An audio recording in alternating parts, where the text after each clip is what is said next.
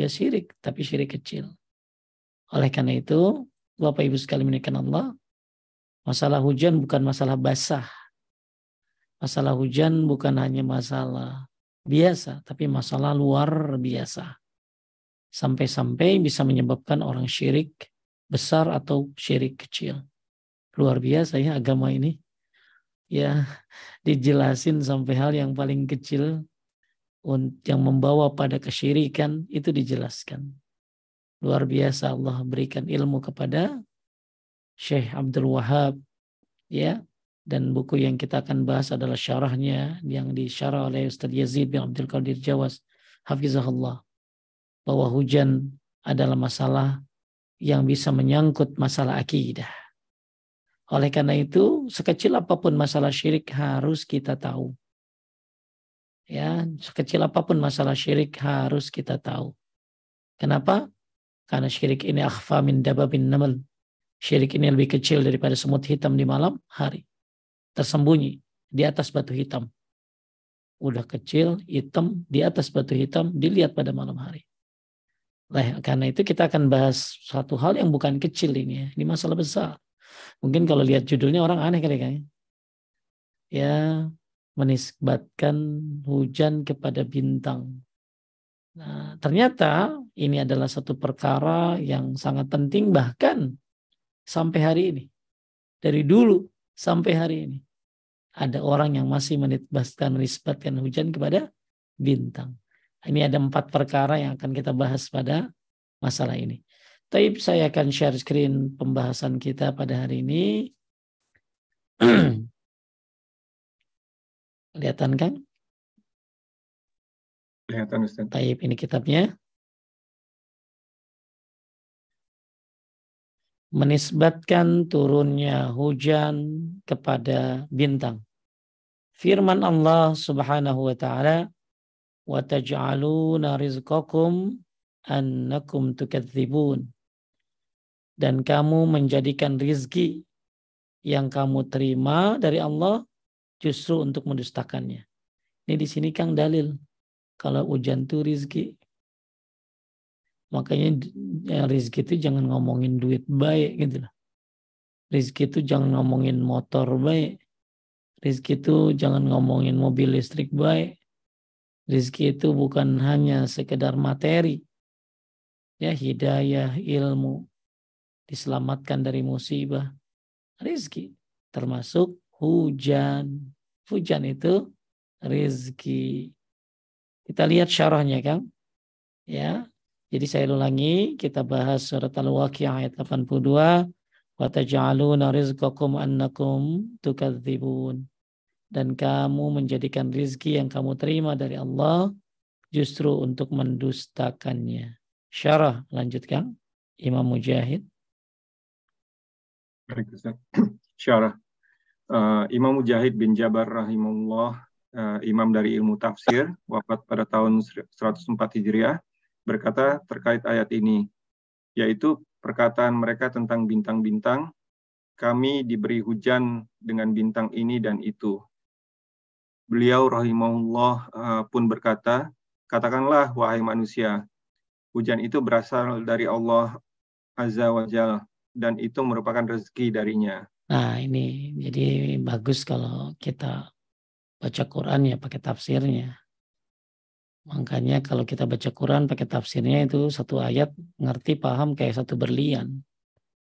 Jadi ternyata coba Kang, Akang kalau nggak baca tafsirnya mana tahu ini maksudnya rizki di sini hujan, betul? Iya. Yes, iya, iya. Dan kamu menjadikan rizki yang kamu terima dari Allah untuk mendustakannya. Apa maksudnya? Yaitu perkataan mereka orang-orang jahiliyah dulu tentang bintang-bintang kami diberi hujan dengan bintang ini dan itu. Ya maka beliau rahimahullah pun berkata wahai manusia katakanlah hujan itu berasal dari Allah azza wa jalla dan itu merupakan rizki darinya. Jadi rizki di sini maksudnya adalah hujan. Makanya kan kalau hujan jangan ini kan jangan ya hujan jangan Alhamdulillah rizki gitu ya. Orang kadang-kadang ya sama mobil kagak takut, sama hujan takut. Sama hujan, sama mobil takut, sama mobil gak takut dia nyeberang main sembarangan. Begitu hujan kocar kacir. Oke orang-orang dulu kalau hujan seneng ya. Kenapa satu emang jarang hujan di Arab.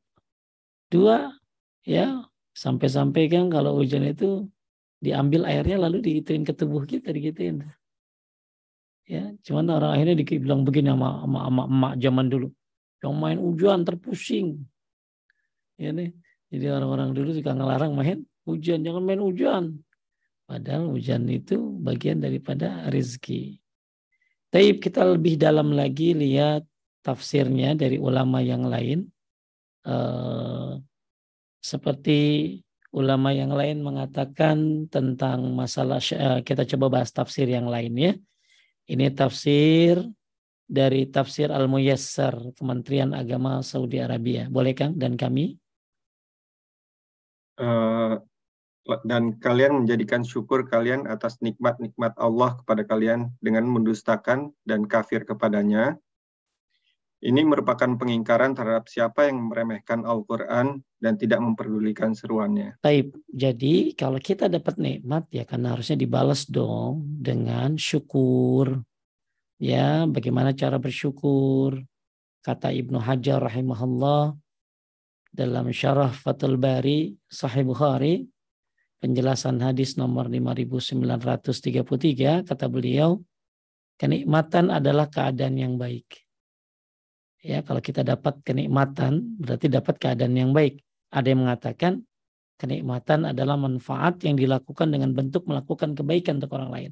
Jadi cara eh, cara mensyukuri nikmat yang Allah kasih adalah dengan melakukan kebaikan untuk orang lain ya makanya ini bertolak belakang dengan orang jahiliyah orang jahiliyah itu dapat nikmat dari Allah hujan tapi malah mendustakannya malah mengingkarinya. Malah menganggap hujan itu dari bintang-bintang bukan dari Allah Subhanahu wa taala. Jadi harusnya ya syukur kalian atas nikmat Allah kepada kalian dengan mendustakannya. Nah ini yang dilakukan oleh orang-orang jahiliyah. Nikmat dibalas dengan mendustakannya. Kalau kita enggak, nikmat dibalas dengan satu mengucapkan meyakini nikmat ini dari Allah. Jadi itu kan, kalau akan dapat rezeki bukan alhamdulillah dulu kan. Itu nomor dua. Nomor satu apa? Yakini bahwa rezeki yang didapat dari Allah. Baru alhamdulillah. Baru jadikan rezeki ini untuk menjalankan ketaatan. Lalu baru berbagi dengan rizki tersebut. Jadi jangan sampai dia kan Alhamdulillah dapat rizki. Tapi dia yakin rizki ini adalah hasil daripada uh, tadi apa? Hasil daripada uh, uh, hasil daripada jeripayah dukun hasil daripada ini itu dan lain-lain. Jadi ketika Bapak Ibu sekalian dapat rezeki dari Allah Subhanahu wa taala yang pertama yakini ini dari Allah. Ya. Yang kedua baru ya kita ucapkan alhamdulillah. Yang ketiga buat rezeki itu untuk menjalankan ketaatan yang ketiga ya berbagi. Makanya Kang ada orang ditanya sama Syekh. Saya lupa sih namanya. Gimana konsepmu dalam masalah rezeki kata dia kalau saya punya rezeki ya saya makan. Kalau nggak ada rezeki, ya saya sabar. Ya, saya ulangi. Jadi dia ditanya, kalau bagaimana konsep tentang rezeki? Kalau saya dapat rezeki, ya saya makan. Kalau nggak dapat rezeki, ya saya sabar. Kan betul kan? Tapi kata syekhnya, ya anjing juga begitu. anjing juga begitu. Ada makanan dimakan, nggak ada jadi sabar. Maka kata syekhnya, kalau aku dapat rezeki, ya ketika aku dapat rezeki, aku berbagi. Dan ketika aku tidak dapat rezeki, maka aku bersyukur. Nah, beda banget itu. Maksudnya apa? Kalau dapat rezeki, ya saya berbagi. Tapi kalau nggak dapat rezeki, ya saya bersyukur. Ya, karena pasti ada orang yang lebih melarat dari kita. Bahkan gara-gara kita nggak punya rezeki, kita jadi puasa. Ya kan? ya gara-gara nggak punya rezeki jadi ke masjid mulu kang Ya, kenapa? Gara-gara kerjaan. Ya, gara-gara nggak punya rezeki, ini jadi baca banyak zikir, banyak mendekatkan diri kepada Allah. Ah, kayaknya aneh juga konsep gitu ya, tapi mantap tuh. Ya, kirain kita konsep yang pertama udah paling mantap itu. Kalau ada rezeki, saya makan. Kalau nggak ada rezeki, saya sabar. Tapi ternyata malah dibilangin anjing juga begitu. Maksudnya apa? Kalau saya, kalau dapat rezeki, saya berbagi. Kalau nggak ada rezeki, saya akan bersyukur. Taib. Bapak Ibu sekali melihat Allah, ini dari tafsir Muyassar. Kalau dari tafsir yang lain, boleh Kang dan kalian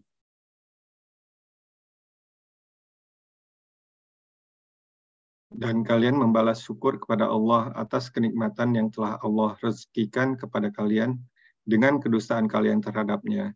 Seperti kalian menisbahkan turunnya hujan kepada bintang tertentu dengan ucapan kalian.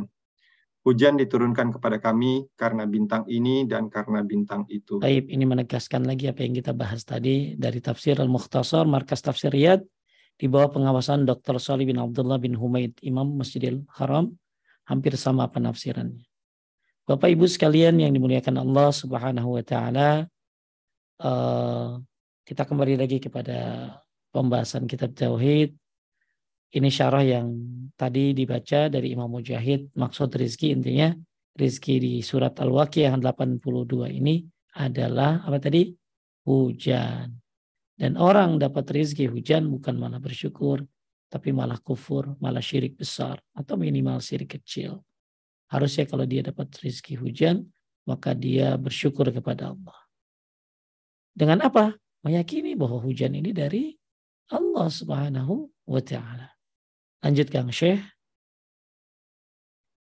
Syekh Abdurrahman bin Nasir As-Sa'di rahimahullah wafat pada tahun 1376 Hijriah berkata, firman Allah Subhanahu wa taala yang artinya dan kamu menjadikannya dan kamu menjadikan rezeki yang kamu terima dari Allah justru untuk mendustakannya yakni karunia Allah berupa rezeki yang dia yang dia azza wajal berikan kepada kalian justru kalian balas dengan mendustakan dan kufur atau mengingkari nikmat Allah Subhanahu wa taala.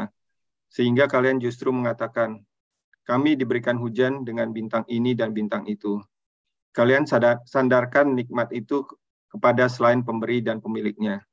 Tidakkah kalian bersyukur pada Allah Ta'ala atas kebaikannya? Baik, makanya kalau saya simpel simpelkan, uh, kalau kita dapat rezeki berupa hujan, yang pertama tidak ada yang harus kita sadari bahwa tidak ada yang mengetahui waktu datangnya hujan kecuali Allah. Kadang udah mendung nggak keturun kan? Ya malah viral tuh kan di mana ya? Di Tasik apa di mana? Di Bogor apa di mana? Hujan kan cuma satu rumah doang. Satu rumah doang yang hujan, yang lain kagak hujan.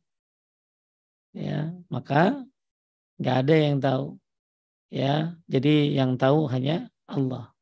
Nah, ini sebagaimana firman surat Tuqman ayat 34. Ya. Nah, adapun prediksi perakiran hujan yang diperoleh dari hasil penelitian tentang keadaan cuaca maka itu boleh dan tidak termasuk ilmu gaib. Tapi dengan catatan tidak boleh memastikan prediksi tersebut karena bisa jadi benar bisa jadi salah. Jadi kan apa namanya Kang? Astro apa tuh? Astro yang dari BMKG ya, itu, BMKG itu kan perakiraan namanya. Bukan pasti hujan, gagal nggak ada yang berani. Ya, makanya satu saya ulangi ketika kita berbicara tentang rizki dari Allah, jadi satu konsep ya, hujan adalah rizki. Alhamdulillah berapa hari ini nggak hujan-hujan nih. Begitu hujan, Alhamdulillah. Tadi hujan ya tadi ya, ya rezeki. Nah sadari bahwa tidak ada yang mengetahui datangnya hujan kecuali hanya Allah. Yang kedua, tidak boleh menisbahkan hujan kepada selain Allah. Nah ini ya uh, tentang masalah nggak boleh orang menisbahkan hujan kecuali hanya kepada Allah Subhanahu wa taala. Kemudian disunnahkan, nah ini kan, membuka sebagian anggota badan buat laki-laki khususnya. Agar terkena rahmat dan barokah air hujan. Jadi air hujan itu rezeki, bahkan disebut juga air hujan itu rahmat ya dan barokah. Makanya Nabi SAW pernah melakukan hari itu kan. Akang pernah nggak nih? Coba baca Anas Anas radhiyallahu anhu berkata, suatu saat hujan turun ketika kami bernama, uh, bersama Nabi Shallallahu Alaihi Wasallam, maka beliau membuka pakaiannya sehingga terkena air hujan. Kami bertanya, wahai Rasulullah, kenapa engkau melakukan hal itu? Beliau menjawab, karena air hujan ini masih baru datang datang dari robnya. Masya Allah. Ya, jadi kalau mobil kita kena hujan bagus kan kan? ya ini langsung wah mau nyuci lagi dah. Kagak ya terus gitu kemudian air hujan adalah air yang suci dan mensucikan. Ya enggak boleh ber, boleh berwudu dengan air hujan. Kemudian musim hujan jangan menjadi kita malah malas beribadah. Ya jangan sampai musim hujan kan orang mati gaya itu mati gaya ya sehingga nggak ngapa-ngapain jangan ya. Bahkan salah satu oh, ketika cuaca dingin lalu kita berwudu itu pahalanya gede kan? Ya. Pelebur dosa Nabi SAW bersabda amal kafara fa isbagul wudu. Ya bisabarati wa intizar salah ba'da salah wa naql akdam ila jum'ah Adapun pelebur dosa adalah menyembahkan wudhu saat dingin yang sangat. Jadi kalau lagi dingin banget ya wudhu bagus selama tidak berbahaya bagi kesehatannya. Ya. Kemudian ketika hujan atau angin kencang yang sekiranya memberatkan jamaah untuk berangkat masjid, maka disyaratkan bagi muazin mengatakan Sallu fi rihalikum. Jadi kalau hujannya kencang kan, angin kencang, hujan deras, ajannya diganti kan. Setelah kalimat la ilaha illallah ala sallu fi rihalikum. Dalam riwayat lain, sallu fi buyutikum. Salatlah di rumah-rumah kalian. Nah itu ya. Kalau hujannya gede, orang kan mau ke masjid tuh, ya. Jadi apa gimana ah, itu maka di bu azan ditambahkan kalimatnya, ya. Berdasarkan hadis dari Nafi. Kemudian ada yang hujan deras yang beratkan bagi manusia bolehkan mereka untuk tidak sholat jamaah di masjid. Jadi salah satu hal yang membolehkan orang tidak sholat jamaah di masjid adalah hujan deras, ya bukan hujan rintik-rintik ya. Kemudian ya, nah ini ini lima faidah terkait hujan. Syekh Abdul Aziz As-Sadhan Hafizullah menyebutkan lima faidah. Faidah pertama di antara hikmah diturunkan hujan. Satu, nah ini Kang. Justru ketika turun hujan itu hikmahnya kata beliau apa? Mentauhidkan Allah. Kan Allah yang menurunkannya. Jarang ya Kang ya. Kalau hujan turun, orang belajar tauhid. Maksudnya orang kalau lagi hujan turun, ya meyakini ini dari Allah. Kebanyakan orang refleks aja. Hujan, brr, Allahumma sayyiban nafian. Cuman doa-doa. Harusnya tambahkan keyakinan. Tauhidnya ditambah, dimantepin. Bahwa hujan ini adalah hanya Allah yang menurunkan. Ini dari Allah subhanahu wa ta'ala. Jadi kata Syekh Abdul Aziz As-Sadhan, di antara hikmah dari hujan adalah mentauhidkan Allah. Dua, berbaik sangka kepada Allah. Tiga, merupakan perumpamaan kebangkitan manusia dari kubur. Jadi nanti kan Kang, setelah tiupan sangka kala itu, ya turun hujan. Sehingga manusia-manusia yang mati itu akan tumbuh seperti pohon. Ini orang jarang kan kalau lagi hujan mikir, ya Allah, nanti setelah sangka kala ditiup akan turun hujan sehingga manusia akan tumbuh seperti pohon. Ya, coba ya Allah ya Rahman, Islam ini keren banget ya. Ya ternyata banyak hal-hal yang belum kita laksanakan padahal ini terjadi kadang-kadang sehari-hari. Jadi konsep yang ketiga ketika turun hujan ini merupakan perumpamaan kebangkitan manusia dari kubur. Ya, jadi tadi setelah apa kan? Tiupan sangkakala dalam sebuah riwayat akan turun hujan lalu manusia akan tumbuh. Kemudian keempat boleh kan? Yang keempat, bantahan kepada orang-orang ateis bahwa kejadian di alam semesta ini karena at-tabi'ah atau kebetulan yang teratur. Hmm. Lanjut lima. Yang kelima, betapa kuatnya Allah dan betapa lemahnya makhluk. Makhluk itu fakir, terus? Yang keenam, betapa Allah tidak butuh kepada selainnya dan betapa makhluk itu fakir. Tujuh. Yang ketujuh, yakini bahwa hujan adalah rizki.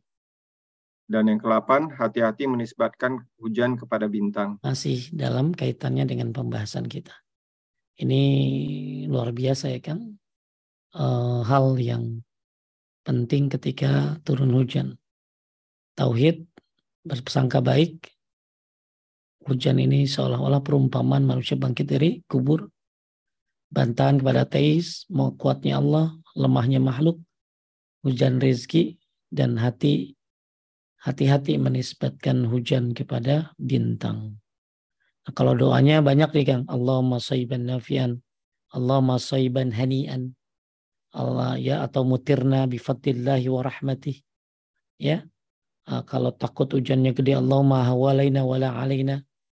Masya Allah, ini salah satu pendukung dari pembahasan kita tentang masalah hujan. Taib, kita kembali lagi kepada kitabnya. Lanjut, sebab Allah. Sebab Allah lah yang menurunkan hujan kepada kalian. Bersyukurlah kalian supaya Allah subhanahu wa ta'ala menambahkan karunia-Nya kepada kalian. Ini karena pendustaan dan kekufuran itu merupakan pendorong untuk diangkatnya nikmat dan datangnya azab. Hati-hati kalau nanti banyak orang yang percaya sama si Rara. Aduh. Baru mau saya tanya, Ustaz. Kalau orang banyak percaya hujan ini dari bintang, lama-lama rizkinya bisa diambil kan rizki hujan nih. Ya, karena hijau hujan ini bisa berhenti kan dengan sebab apa? Salah satunya banyak yang nggak bayar zakat karena nggak bayar zakat maka laulal bahaya kalau bukan karena binatang kalau bukan karena binatang ternak Allah nggak turunin hujan. Ya kalau orang sudah banyak kemaksiatannya akan banyak ada penceklik.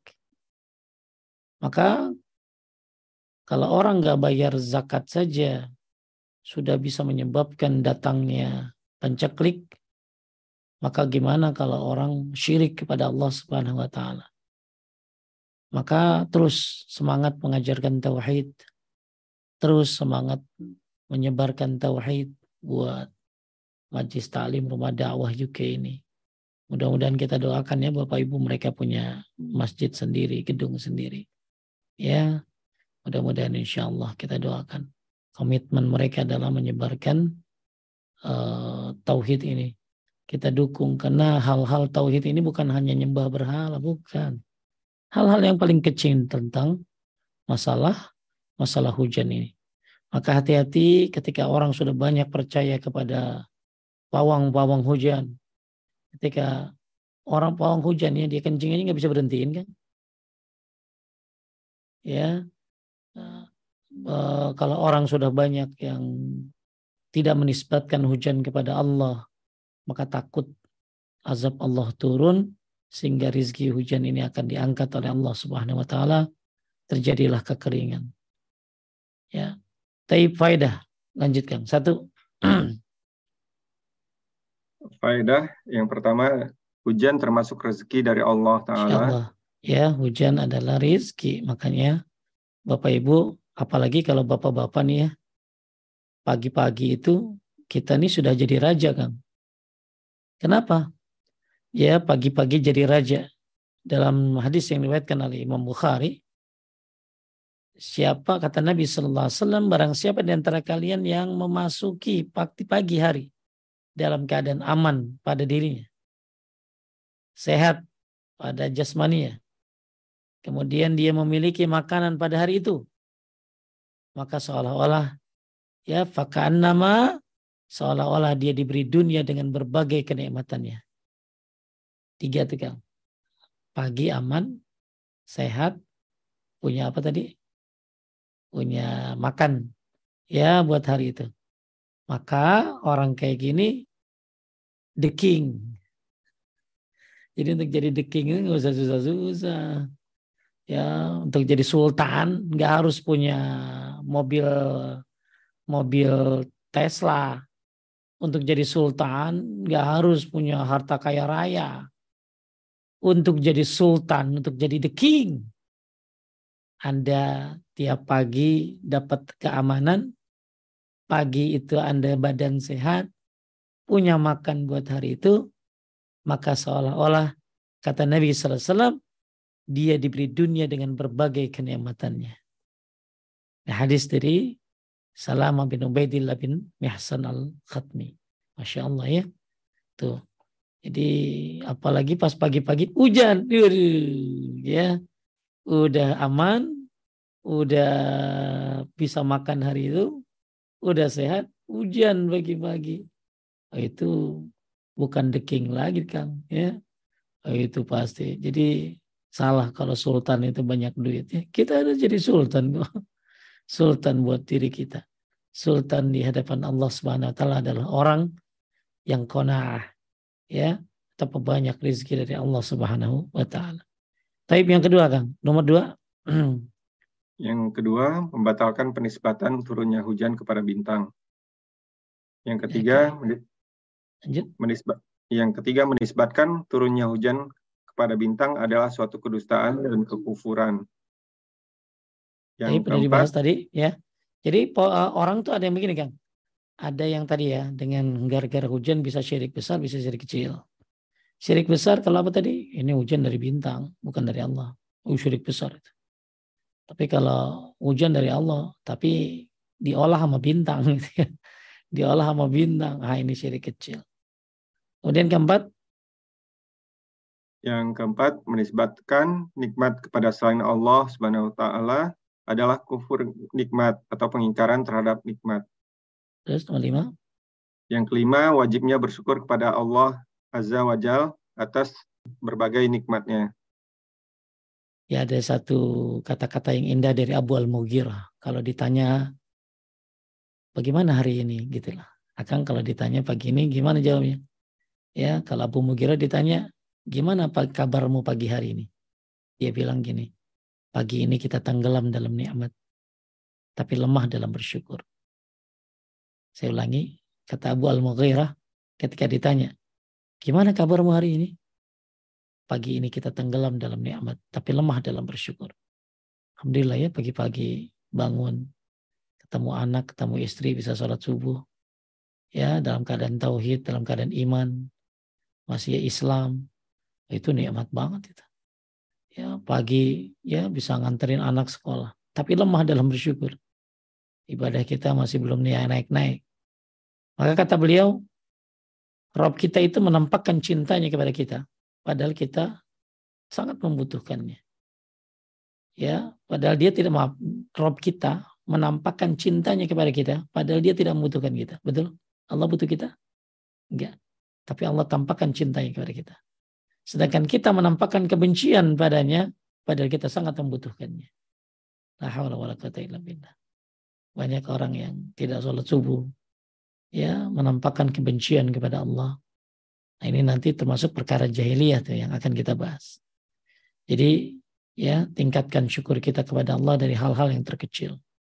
Ya, di antaranya dari segi hujan, pagi-pagi dalam keadaan apakah tadi kan tiga masih ingat? Uh, aman, sehat, aman, dan sehat, punya makan. Punya makan. Ya, oh, oh, kalau yang di UK bukan punya buat makan sehari, buat, buat satu abad. Ya. ya, apalagi yang punya tabungan lu. Ya, jadi Anda ini udah sultanah ya, sultanah ya. Lanjut nomor 6 sudah wajib menisbatkan hujan kepada Allah bahwa hujan itu merupakan kebaikannya. Jadi hujan rahmat, hujan itu adalah berkah, dan hujan itu adalah rizki. Maka jangan kau kufuri rizki dari Allah dengan menisbatkan kepada selainnya. Maka masih ingat tadi ya kata siapa Kang yang apa uh, hujan itu kalau turun hujan belajar tauhid ya maksudnya tauhidnya bagusin kalau turun hujan itu terus hujan itu perumpamaan bangkit dari apa tadi Membangkitkan manusia dari kubur. Berprasangka baik kalau hujan. Ya, dan tadi yang sudah saya bahas, Masya Allah. Hujan segitu luar biasanya. Taib kita masuk kepada pembahasan hadis yang kedua dari Abu Malik al-Ash'ari al-Ash'ari. Menuturkan bahwa Rasulullah SAW bersabda, boleh dibaca artinya kan? Empat perkara yang terdapat di umatku yang termasuk perbuatan jahiliyah yang tidak ditinggalkan oleh mereka. Membanggakan kebesaran para leluhur atau nenek moyang, mencela keturunan, menisbatkan turunnya hujan kepada bintang-bintang, dan meratapi orang mati. Lantas beliau bersabda, Wanita yang meratapi orang mati, apabila dia belum bertaubat sebelum meninggal, akan dibangkitkan pada hari kiamat dan dikenakan kepadanya pakaian yang berlumuran cairan tembaga serta mantel yang bercampur dengan penyakit gatal. Taib hadis diriwayatkan oleh Muslim ini hadis yang masya Allah menggambarkan suatu hal yang gaib kan. Ya empat perkara yang terdapat di umatku yang termasuk perbuatan jahiliyah yang tidak ditinggalkan. Jadi sampai hari kiamat akan ada yang masih tetap melakukannya. Ya, ini salah satu hal gaib yang disampaikan oleh Nabi Shallallahu Alaihi Wasallam bahwa ada hal-hal perkara-perkara orang kebiasaan orang-orang jahiliyah dulu ya eh, tapi kita nggak boleh bilang begini ini zamannya orang-orang jahiliyah nggak boleh begitu gak ya kita ada fatwa yang bagus kalau kita lihat dari apa uh, pendapat dari Syekh Fauzan. Ini Kang. Lanjut boleh Kang. Syekh Fauzan Hafizullah menjelaskan tidak dibolehkan. tidak boleh. Al Fauzan Hafizullah menjelaskan tidak boleh dikatakan manusia dalam keadaan jahiliyah. Maksudnya gini Kang menyeluruh nggak boleh. Emang nih manusia semuanya jahiliyah termasuk elu dong, gitu ya. Terus uh, dunia dalam keadaan jahiliyah. Nggak boleh. Terus karena? Karena hal ini mengingkari keberadaan, ke, keberadaan risalah kenabian dan mengingkari Al-Quran dan As-Sunnah. Memutlakan seperti ini tidak boleh. Adapun jika dikatakan sebagian manusia berada dalam keadaan jahiliyah, atau sebagian individu berada dalam jahiliyah, atau ada sebagian dari sifat jahiliyah, maka hal ini ada. Jadi kalau mau ngomongnya begitu, ya kalau kita suka ngomong gini dulu lagi zaman jahiliyah ya gitu kan ya. Kalau kita lagi ngomong-ngomong dulu ya lagi zaman jahiliyah nih gue nih gitu ya. Jadi kalau kita bilang kan, kan kita akan belajar sekarang ini tentang empat perkara jahiliyah empat perkara kebiasaan jahiliyah yang masih aja dilakukan oleh sebagian orang ya empat ini nih sampai hari kiamat nih kan akan ada orang yang melakukan ini. Maka ini adalah salah satu berita gaib yang disampaikan oleh Rasulullah. Nah kalau lagi bicara ngomong jahiliyah, ya nggak boleh kan jahiliyah kebodohan gitu ya. Jadi nggak boleh uh, bilang secara global emang ini manusia nih semuanya jahiliyah kali. Nah nggak boleh bilang gitu ya. Tapi kalau boleh ngomong ya ada sebagian manusia jahiliyah seperti itu. Bahkan kan kata Umar bin Khattab radhiyallahu anhu berkata, boleh kan sungguhnya? Uh, sungguhnya ikatan Islam hanyalah terurai satu persatu apabila di dalam Islam tumbuh orang yang tidak mengetahui perkara jahiliyah. Maka kita bagus kan kalau tahu perkara-perkara jahiliyah. Karena kalau kita nggak tahu perkara-perkara jahiliyah, perkataan Umar bin Khattab ini, nanti ikan ikatan Islam ini akan terurai satu-satu. Ya kenapa? Karena ada orang yang tumbuh karena tidak mengetahui perkara jahiliyah. Maka ada ada kitab namanya Masail Jahiliyah. Permasalahan-permasalahan jahiliyah. Hal-hal yang harus kita hindari. Hal-hal yang harus kita tahu untuk menghindari perbuatan tersebut. Tapi kita lihat uh, fawaid dari dari isyarah daripada hadis ini. Jadi saya ulangi ya, hadis ini Eh, bahwa Nabi mengatakan akan ada umatnya yang melakukan perkara jahiliyah yang tidak ditinggalkan oleh mereka. Satu, membanggakan kebesaran para leluhur. Jadi apa sombong dengan nenek moyang kali Kang ya, dengan nenek moyang. Kemudian mencela keturunan.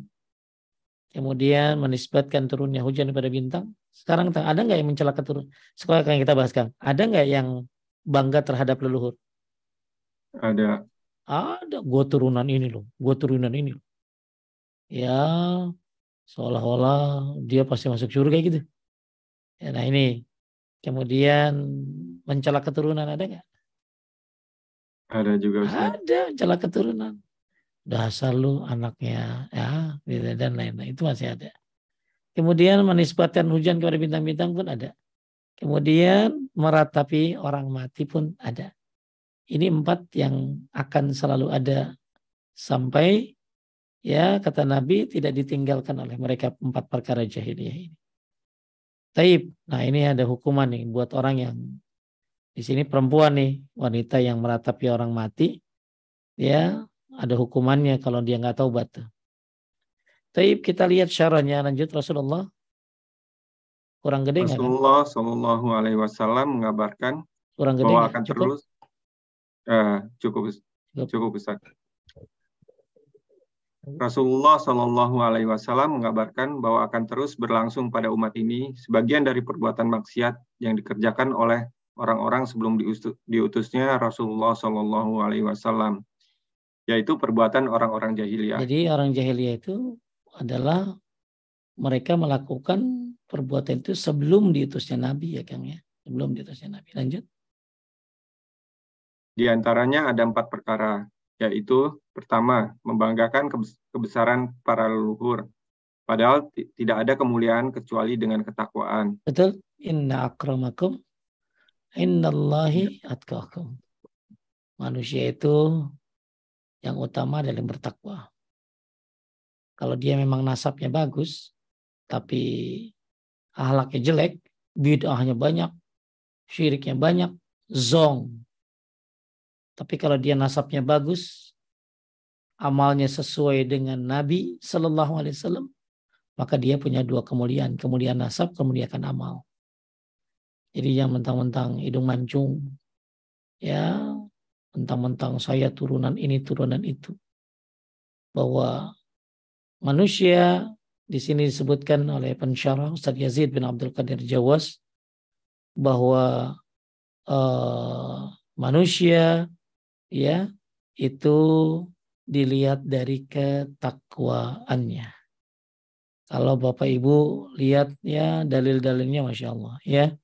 Nih Nabi SAW bersabda, "Momen bata'a bihi amalu, lam yusra bihi nasabuh."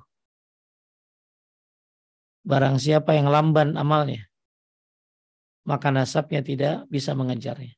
Apa maksudnya Kang? Hmm. dia lamban amalnya, maka nasabnya tidak bisa mengejarnya. Dia mau turunan siapa, kalau amalnya lambat, nggak akan naik amalnya. Saya darah biru loh. Ya, nggak tahu darah biru itu apa maksudnya. Ya, oh, tapi amalnya lambat. Amalnya lambat, maka nasabnya turunan siapa dia nggak akan menaikkan derajat di sisi Allah. Jangan mentang-mentang dia turunan A, turunan B, maka seolah-olah dia bebas dari dosa. Jangan mentang-mentang gara-gara turunan ini, turunan itu, lalu dia tidak beramal. Ya, makanya kata Allah Taala, "Walikuli darajatun mimma amilu." Dan bagi masing-masing mereka derajat menurut apa yang telah mereka kerjakan. Jadi yang Allah lihat di akhirat itu adalah apa? Amalnya. Ya, amalnya. Makanya Bapak Ibu sekalian menaikkan Allah, ya bahkan nanti orang yang nasab ini akan ninggalin kan. Faiza nufiha suri fala ansaba bainahum yauma izin wala yatasaalun. Artinya kan? Artinya apabila sang, sangkakala ditiup maka tidaklah ada lagi pertalian nasab di antara mereka pada hari itu dan tidak ada pula mereka saling bertanya. Tuh. Quran surat Al-Mu'minun ayat 101. Maksudnya apa kata Imam Nawawi? Siapa? Imam Nawawi rahimahullah berkata, siapa saja yang amalnya itu kurang, maka kedudukan mulianya tidak bisa menolong dirinya. Oleh karenanya, jangan terlalu berharap dari nasab atau silsilah keturunan dan keutamaan nenek moyang. Akhirnya sedikit dalam beramal. Ah, hati-hati ya. Hati-hati jangan terlalu berharap dari nasab atau keturunan atau nenek moyang. Ya maka jangan sampai bangga terhadap nenek moyang. Oh nenek moyang saya, masya Allah ibadahnya mantep, tahajudnya mantep, tapi dia kagak nurutin, ya salah berarti. Ya maka uh, Allah nyuruh kita untuk wasari ila magfirati min rabbikum. Bersegeralah kamu kepada amunaramu dan kepada surga yang luas langit dan bumi. Jangan untuk orang yang bertakwa. Maka inna akramakum indallahi atqakum. Taib yang selanjutnya, jadi kata penulis pensyarah, ya eh, empat jahiliyah ini adalah membanggakan kebesaran para luhur, padahal tidak ada kemuliaan kecuali dengan ketakwaan. Lanjut kedua, Kang. Yang kedua, mencela dan merendahkan nasab orang lain. Taib. Tiga. Yang ketiga, menisbatkan turunnya hujan kepada terbitnya bintang-bintang dan kedudukan kedudukan bulan. Empat. Serta yang keempat, meninggikan suara dengan meratapi dan menyebutkan kebaikan-kebaikan mayit. Lalu Rasulullah Shallallahu Alaihi Wasallam menjelaskan ancaman kepada perkara yang terakhir, bahwa barang siapa yang terus melakukannya dan tidak bertaubat, maka dia akan maka dia akan datang pada hari kiamat dalam keadaan badannya dituangi tembaga cair sehingga tembaga itu menjadi seperti gamis. Kemudian dinyalakan padanya api sehingga tembaga itu menempel pada tubuhnya dan menimbulkan bau busuk. Nah ini buat yang nomor empat, Kang buat yang meratapi mayit. Ya. Taib kita lihat faedahnya. Ini tadi syarah. Syarah itu penjelasan dari hadis. Ya. Uh, kita lihat faedahnya. Satu, haramnya kembali lagi menisbatkan turunnya hujan kepada bintang-bintang karena ini termasuk perkara jahiliyah. Kemudian yang kedua, empat perkara jahiliyah disebutkan dalam hadis ini akan transiasa dilakukan oleh umat Islam. Berarti akan ada sampai akhir zaman. Ya. Kemudian yang ketiga, hadis ini merupakan salah satu tanda dari tanda-tanda yang menunjukkan bahwasanya Nabi kita Muhammad sallallahu alaihi wasallam benar-benar seorang nabi yang diberi wahyu oleh Allah Azza wa Jalla karena beliau mengabarkan perkara gaib yang belum terjadi dan ternyata hal itu terjadi sebagaimana yang beliau SAW kabarkan. Ternyata 14 abad Nabi ngomong begini, sudah berlalu, 14 abad ternyata masih ada hari ini orang yang melakukan empat tadi ya apalagi yang meratapi mayat kan ya nah.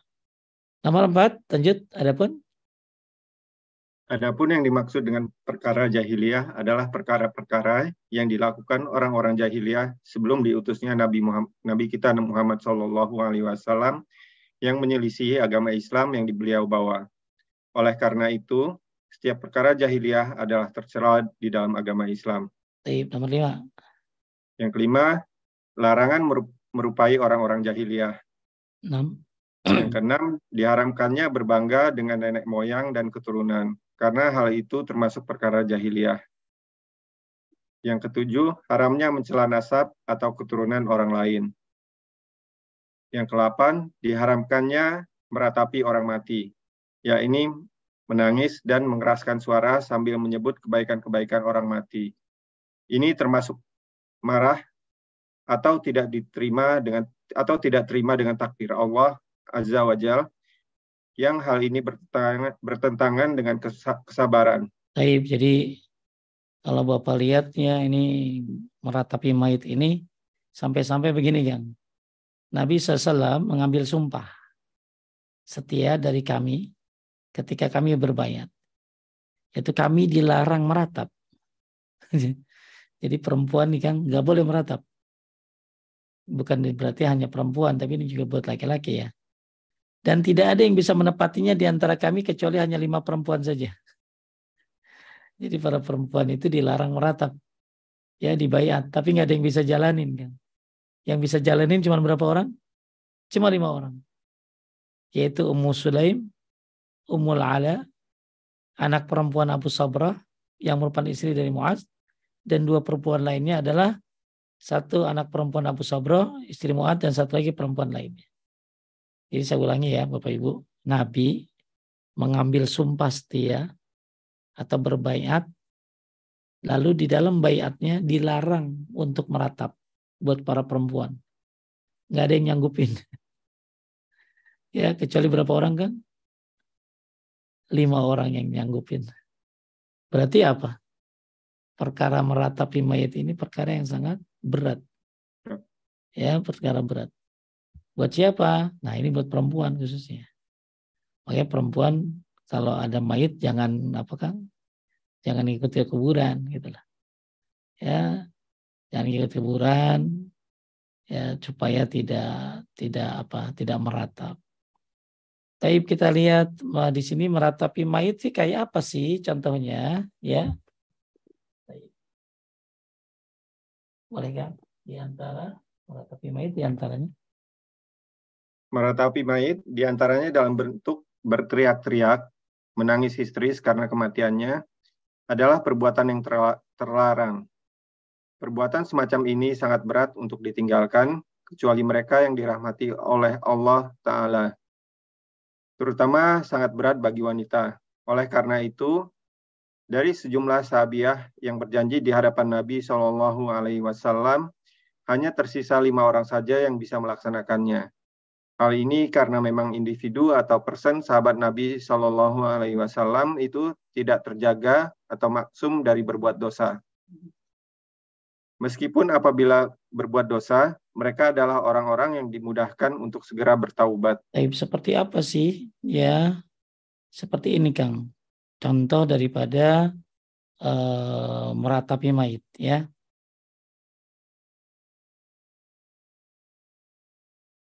Sebentar. Nah ini dia. Tindakan-tindakan dalam bentuk ratapan yang dikenal pada zaman itu maksudnya gini. Menyeru dengan seruan jahiliyah. Dicontohkan para ulama dengan mengatakan, Wahai sandaran hidupku. Ah, mungkin gitu ya. Ya begitu, lakinya mati. Wahai sandaran hidupku. Ya, apalah udah kayak gitu lah ya. Nah, ini nggak boleh ngomong gitu ya. Lagi dia hidup aja lu kagak ngomong, gitu. Mati lu ngomong gitu. Ya. Dah, Terus atau ngomong begini, mengapa engkau meninggalkan aku? Jangan. Ya, ini termasuk omongan-omongan perkara jahiliyah yang disebut dengan meratap tuh kayak begini. Atau wahai pelindungku, mengapa engkau pergi meninggalkanku sendiri? Coba udah kayak nyanyian. Terus kalimat kemalam saat ini disebut, uh, diucapkan ketika seorang mendapatkan musibah termasuk dalam ucapan ratapan yang terlarang. Ya, Penjelasan lain dari seruan jahiliyah adalah seruan untuk fanatisme kelompok orang. Dah. Jadi dibolehkan menangis ya, dibolehkan menangis dengan uh, keluar air mata nggak apa-apa, tapi nggak ngucapin kalimat-kalimat di atas. Ya, kalau mulut ikut berteriak histeris ini bentuk meratap yang terlarang. Jadi jangan sampai ya nangis boleh, Nabi juga nangis satu, ya, karena Nabi juga pernah menangis ketika anaknya Ibrahim menangis. Ya, tapi yang nggak boleh adalah mulutnya itu loh. Ngucapin kata-kata yang terlarang. Kata-kata ya wahai pujaan hatiku. Ya bukankah bukankah ya terus kalau mau bareng mau gitu gitu ya pasti tidak mau gitu ya jadi uh, bapak ibu sekalian menaikkan Allah Nabi menangis ketika anaknya Ibrahim meninggal dunia ya tapi beliau mengucapkan kalimat ya dalam arti kata tidak mengucapkan kalimat-kalimat yang buruk. Nah ini dia ya diriwayatkan dari sahabat Anas bin Malik radhiyallahu beliau mengatakan kami bersama Rasulullah SAW mendatangi Abu Saif al Qain yang istrinya telah mengasuh dan menyusui Ibrahim. Tahu Rasulullah SAW mengambil Ibrahim dan menciumnya kemudian setelah itu pada kesempatan yang lain kami juga sedangkan Ibrahim telah meninggal. Lalu itu menyebabkan kedua mata Rasulullah SAW berlinang air mata. Maka sahabat berkata, Abdurrahman bin Auf kepada Nabi, mengapa engkau menangis wahai Rasulullah? Beliau bersabda, ya Ibn Auf, inna rahmah. Sungguhnya ini adalah rahmat. Kemudian dilanjutkan nama Nabi, kata-katanya. Kedua mata boleh mencucurkan air mata. Hati boleh bersedih. Hanya kita tidak boleh mengatakan kecuali apa yang diridhoi oleh Rabb kita.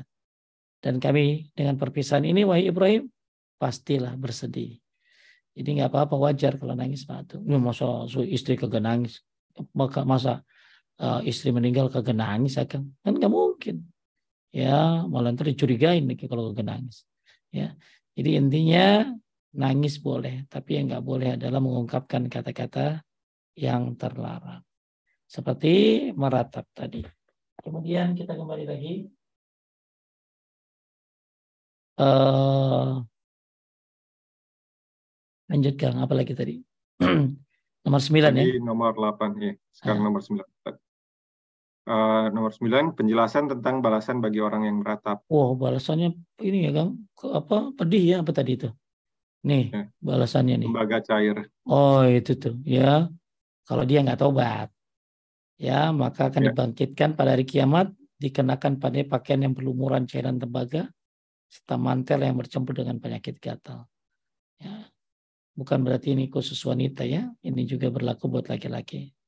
Meratapi orang mati adalah dosa besar. Meratapi orang mati adalah dosa besar. Nomor 11. Yang 11, umumnya yang suka meratap adalah para wanita dan hal ini tidak menafikan adanya laki-laki yang meratap. Baik, nomor 12. Yang ke-12, taubat bisa menghapuskan dosa walaupun dosa itu dosa besar.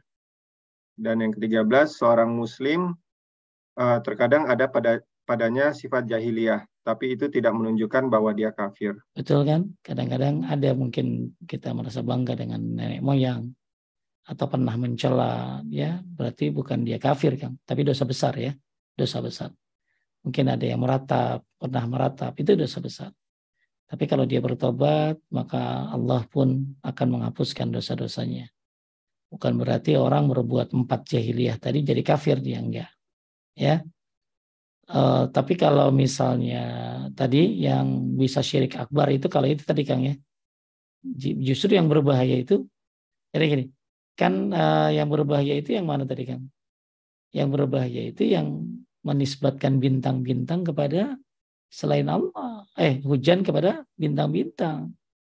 Ya, apalagi kalau bilang ini gara-gara bintang-bintang bukan gara-gara Allah. Nah, itu bisa bisa syirik besar itu justru. Ya. Taib Hmm. Nah, kita tanggung satu lagi ya, kita bahas ya. Al-Bukhari meriwayatkan dari Zaid bin Khalid, dia bertutur Rasulullah SAW telah mengimami kami dalam salat subuh di Hudaybiyah. Setelahnya semalam turun hujan. Ketika usai salat, beliau menghadap kepada orang-orang lantas bersabda, Tahukah kalian apa yang telah difirmankan oleh Rabb kalian? Mereka menjawab Allah dan Rasul yang lebih mengetahui. Beliau SAW bersabda Allah Azza berfirman pagi ini. Di antara hamba-hambaku ada yang beriman dan ada pula yang kafir. Tukang pagi-pagi ada yang beriman, ada yang kafir. Makanya kita kalau pagi-pagi suka doa asbahana ada fitratil Islam wa ala kalimatil khalas wa ala dini Nabi Muhammadin sallallahu alaihi wasallam millati Ibrahim hanifa wa ma minal musyrikin. Jadi uh, asbahan al fitatil Islam. Kami pagi ini berada dalam fitrah Islam. Fitrah Islam ini maksudnya apa? Tauhid. Ya, wala kalimat ikhlas. Apa kalimat ikhlas ini? Syahadat. Wala dini Nabi Muhammadin berada di atas sun, sunnah. Ya, di atas sunnah, di atas jalannya milahnya Nabi Ibrahim. Maka pagi-pagi kita syukuri dengan membaca zikir pagi dan sore. Nah, Nabi bilang habis salat itu, tahukah kalian apa yang difirmankan oleh Rabb kalian? Pagi ini di antara hamba-hambaku ada yang beriman, ada pula yang kafir. Ya. Adapun orang yang mengatakan telah turun hujan kepada kita berkat karunia dan rahmat Allah. Maka dia adalah orang yang beriman kepadaku dan kafir kepada bintang-bintang. Ya mutinna bifadlillahi wa rahmatih. Eh, kami telah diturunkan hujan dari karunia Allah dan rahmatnya. Maka orang ini beriman dan kafir terhadap bintang-bintang. Sedangkan orang yang mengatakan telah turun hujan kepada kita karena bintang ini atau bintang itu, maka dia adalah orang kafir kepadaku dan beriman kepada bintang-bintang. Jadi gara-gara turun hujan, orang bisa dianggap beriman. Gara-gara turun hujan, orang bisa dianggap musyrik kafir, uh, musyrik besar, bisa dianggap musyrik ke kecil. Tuh hujan bukan perkara sepele itu. Ya. Terus Al-Bukhari lanjutkan. Al-Bukhari dan Muslim meriwayatkan pada uh, meriwayatkan pula hadis dari Ibnu Abbas radhiyallahu an yang maknanya antara lain disebutkan demikian. Ada di antara mereka berkata, sungguh telah benar bintang ini dan bintang itu. Maka Allah menurunkan firman-Nya. Maka aku bersumpah dengan tempat-tempat peredaran bintang-bintang sampai kepada firman-Nya dan kamu menjadikan rezeki yang kamu terima dari Allah justru untuk mendustakannya. Balik lagi kepada nih surat Al-Waqi'ah tadi, fala uqsimu bimawaqi'an nujum sampai wa taj'aluna rizqakum annakum tukazzibun. Tadi Allah kasih apa hujan tapi kalian malah mendustakannya. Bagaimana mendustakannya? Dengan menisbatkan kepada bintang-bintang. Maka setiap pagi manusia itu memang kan kalau dilihat dari hadis yang lain manusia itu ya kalau pagi-pagi itu menjual dirinya. Kalau dia menjual dirinya kepada Allah, selamat. Tapi kalau dia menjual kepada syahwatnya, dia celaka.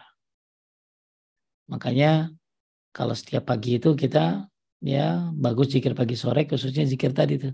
Asbahana ala fitratil Islam. Wa ikhlas. Nah, ketika Nabi sholat subuh, ya, dan tadi cerita bahwa kan hujan ya, ya dalam saat subuh dan semalam turun hujan. Ternyata setiap pagi itu ternyata pagi itu pagi ini ada yang beriman dan ada yang kafir. Yang beriman tadi mutir Nabi Fadlillahi wa rahmati. Kami diturunkan hujan karena karunia Allah. Ini kembali lagi kepada surat Al-Waqiah tadi yang di awal sudah kita bahas. Syarah lanjut yang sahabat. sahabat yang mulia Zaid Zaid bin Khalid radhiyallahu an uh, telah menyebutkan tentang petunjuk Nabi Shallallahu alaihi wasallam untuk umatnya berkenaan dengan turunnya hujan dan perkataan yang pantas mereka ucapkan ketika mendapati hal tersebut. Maka Nabi kita Shallallahu alaihi wasallam meriwayatkan dari Rabbnya Allah Subhanahu wa taala bahwa ketika Allah menguji manusia dengan pemberian nikmatnya uh, dengan memberi tabaraka ta'ala kepada mereka dengan cara menurunkan hujan yang padanya lah kehidupan mereka, maka terbagilah mereka menjadi dua golongan. Baik, jadi hujan ini bisa jadi ujian ya Kang. Kalau tadi kan hujan adalah rahmat, barokah, apalagi rizki. rizki. Ya, bahkan sunnah-sunnah, bahkan hujan tadi mengingatkan kita tentang hari kebangkitan. Maka hujan juga ujian nih. Ujian. Maka ujian apa? Nah, kalau dia menyatakan hujan itu dari Allah, dari nikmatnya, dari rahmatnya, ya dan maka dia termasuk orang yang bersyukur dan dia iman kepada Allah dan kafir terhadap bintang-bintang. Sebaliknya, ya kalau dia justru malah menisbatkan kepada bintang-bintang, maka dia tidak bersyukur dan dia telah melakukan ya apa kekufuran. Tapi uh, kita lihat faedahnya. Satu, haram menisbatkan turunnya hujan kepada bintang-bintang. Dan persimbatan ini dinamakan kekufuran. Wajibnya bersyukur kepada Allah atas nikmatnya dan tidak boleh menisbatkan nikmat kepada selainnya. Apalagi udah turun hujan tadi kan ditambah dengan apa tadi? Tiga nikmat setiap pagi. Ya, Kemudian ada kekufuran tak menjadikan pelakunya murtad keluar dari agama Islam. Ada kekufuran yang tak menjadikan pelakunya murtad. Contoh Kang, orang kan kalau nggak bersyukur ya ini kan kufur nikmat kan, ikan, tapi tidak mur murtad, ya. Nah, tapi tadi berbahaya dosanya kalau yang mana tadi? Kalau dia bilang bahwa ini uh, hujan dari dari selain Allah, nah, ini bisa syirik, ini syirik besar, ya. Terus penetapan Oh, lima kan? Uh, yang kelima, penetapan sifat berkata bagi Allah Subhanahu wa taala harus sesuai dengan keagungannya, sebab tidak sama dengan sifat makhluknya. Yang keenam, penetapan sifat rahmat atau kasih sayang bagi Allah Azza wa Jal sesuai dengan keagungannya dan tidak sama dengan sifat makhluknya. Dan yang ketujuh, disukai bagi imam salat untuk berpaling atau berbalik ke arah makmun setelah mengucapkan salam. Boleh ke kanan, boleh ke kiri, Kang. Kalau ke kanan ada riwayatnya dari uh, dari dari Anas bin Malik atau lagi ada yang ke kiri dari dari Ibnu Umar. Jadi imam keman kebanyakan ke kanan ya, ke kanan. ya akan berbalik ke kanan. Padahal sebenarnya ada dua riwayat boleh ke kanan, boleh ke kiri. Tujuannya apa sih imam balik itu? Ya, ya tujuannya bahwa tapi setelah istighfar dan Allah bantah salam. Tujuannya ya supaya dia sebagai imam dia tidak sombong sehingga sehingga berbalik. Ada hikmah-hikmah kenapa dia berbalik. Ya, hikmah-hikmah ketika berbalik disebutkan oleh Dr. Wahfal Qahtani dalam kitab Salatul Mu'min tentang hikmah-hikmahnya. Kemudian nomor delapan di antara penyampaian ilmu adalah dengan soal jawab karena hal ini lebih mengenai jiwa. Jadi Nabi kan menggunakan metode tanya jawab. Ya, tadi uh, tentang hadis tadi ya. Disyariatkan memberikan pengajaran kepada manusia dan memperingatkan mereka dari hal yang merusak akidah tuh. Jadi ya hal ini dilakukan oleh para asatiz uh, ya untuk mengajarkan manusia akidah yang benar ketika turun hujan. Ya dari hal-hal yang paling kecil jadi Ustadz Ustadz Sunnah itu bukan hanya bilang ini syirik, tapi ini contoh syirik. Ya, sampai yang kekecil-kecil nih. Kenapa? Karena inilah dakwahnya para nabi. Kemudian orang yang ditanya sesuatu kemudian dia tidak mengetahui jawabannya hendak mengatakan Allah alam. Ya, tidak boleh bagian untuk berbicara tanpa ilmu. Ya, jadi kalau zaman Nabi Allah wa rasuluhu alam. Allah dan Rasulnya yang tahu. Tapi kalau jambian sekarang udah meninggal, cukup wallahu a'lam. Ya, wallahu a'lam. Kemudian disukai mengucapkan mutir Nabi Fadlillah wa rahmati setelah turun hujan. Jadi kalau hujan udah selesai bagus baca mutirna bifadlillahi wa birahmati. Taib, ah, ini ada ada ada uh, tiga tiga menisbatkan hujan kepada bintang ada tiga yaitu menisbatkan pada hujan kepada bintang-bintang ya. Nah, ini ini jadi gini kan jadi ada tiga model orang eh, tadi kan saya bilang ada dua model. Nah ini ada tiga di sini nih. Pertama nisbatul ijad. Menisbatkan pengadaan hujan kepada bintang-bintang. Yang menurunkan hujan bukan Allah katanya. Yang menurunkannya maka keyakinan ini adalah syirik besar dalam rububiyah dan kekufuran yang mengeluarkan dari Islam. Ini bahaya nih gara-gara hujan kan. Gara-gara hujan orang bisa mengatakan nisbatu ijad. Apa itu maksudnya? Meyakini bahwa bintang ini, bintang itu yang menurunkan, bukan Allah. Maka ini adalah syirik terhadap rububiyah dan ini syirik besar. Ya, kekufuran yang mengeluarkan dari Islam. Kalau yang kedua, nisbatus sabab. Menisbatkan sebab turunnya hujan kepada bintang. Jadi gini Kang, hujannya dari Allah, tapi gara-gara bintang ini, bintang itu maka ini termasuk syirik kecil-kecil. Nah yang ketiga nih Kang, nisbatu waktin. Menisbatkan turun hujan kepada bintang. Seorang yang berkeyakinan bahwa biasanya hujan turun musim hujan pada muncul bintang ini dan itu maka di ini, ini boleh. Supaya jelaskan lah ya saya. Jadi kan gitu ya, biasanya hujan kapan kan? Biasanya uh, ya kalau habis panas. Apa biasanya kalau kan kita suka pakai bulan tuh. Biasanya sih oh. gitu lah. Biasanya sih kalau hujan tuh mesti uh, bulan apa tuh? Uh, bulan ini gitu ya, bulan Desember, bulan apa. Maka ya. itu disebut dengan nisbatu waktin.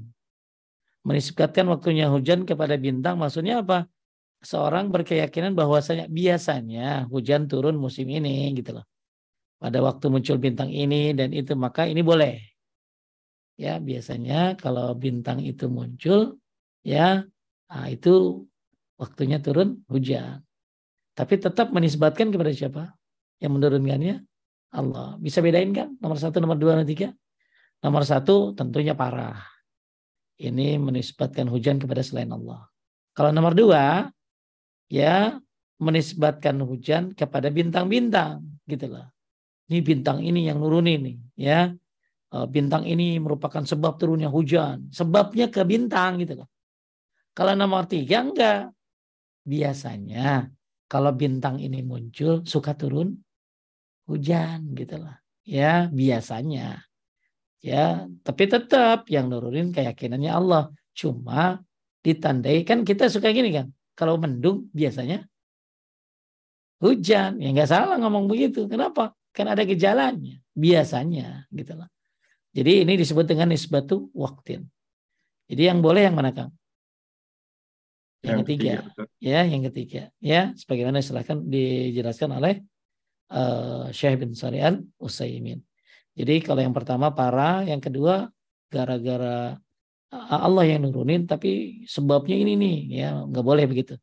Tapi kalau yang ketiga itu biasanya ya kalau bintang ini muncul, ah, itu turun hujan.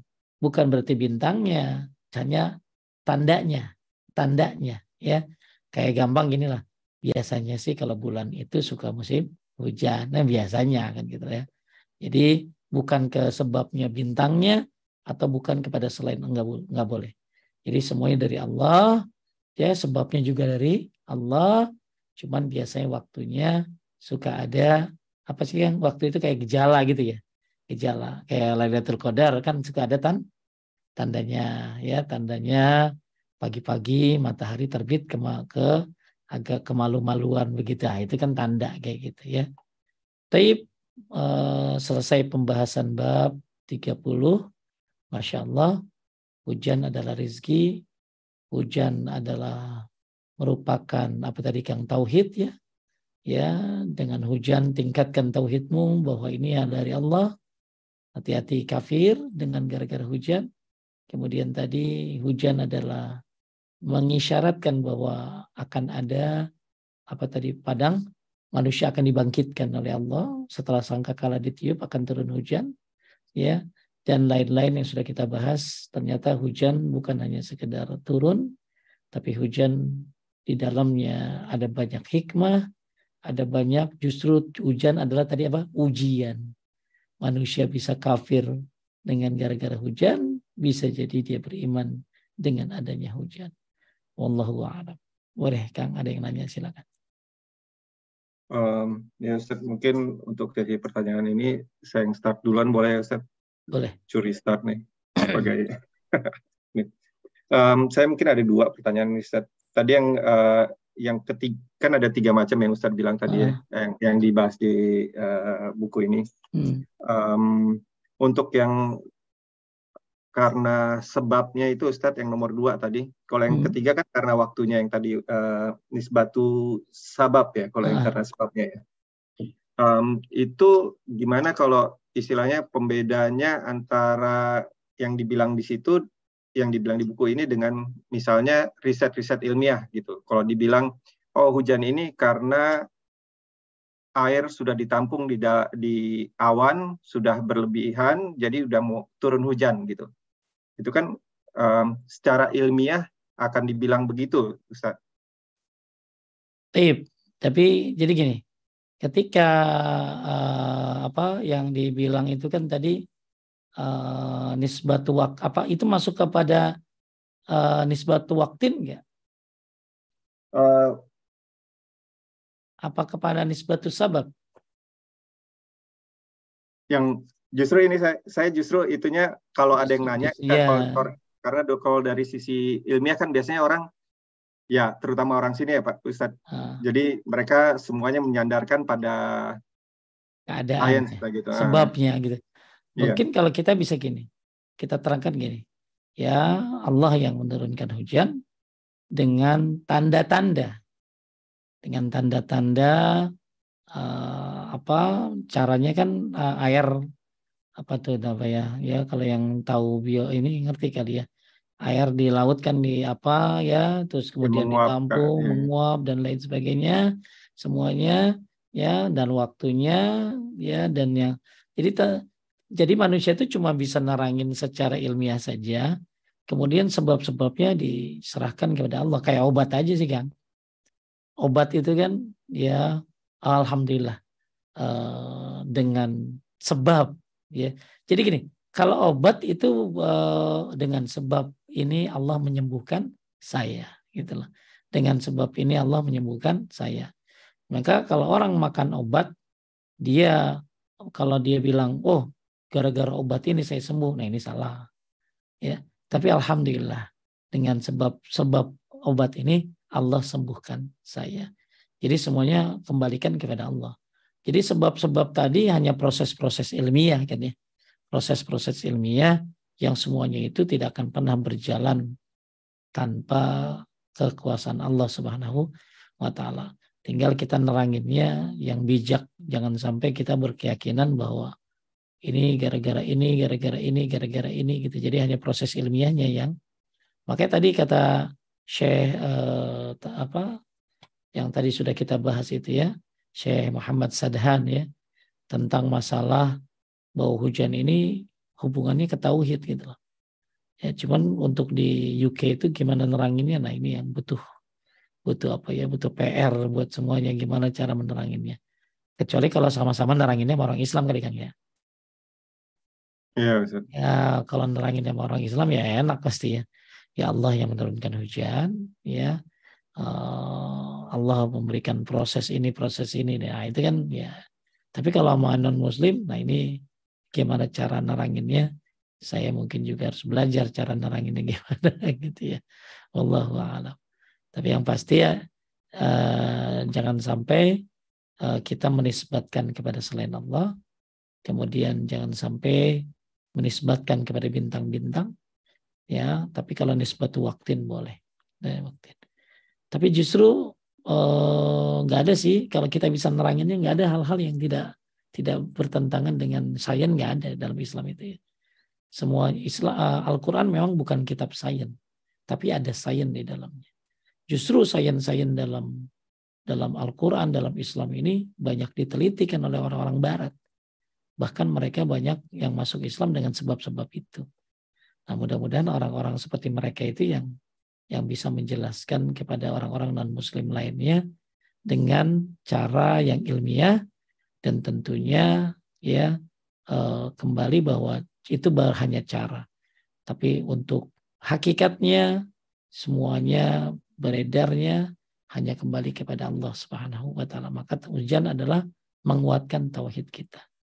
Taib wallahu a'lam. Lanjut. Ya kalau Ustaz. Jadi semuanya biisnillah ya Ustaz. Ya, ya? biisnillah Akan... harusnya. Nah masalahnya kalau ngomong sama orang kafir ngerti nggak itu? ya. ya. Tanyanya muter lagi ke situ. Ya. ya Ustaz.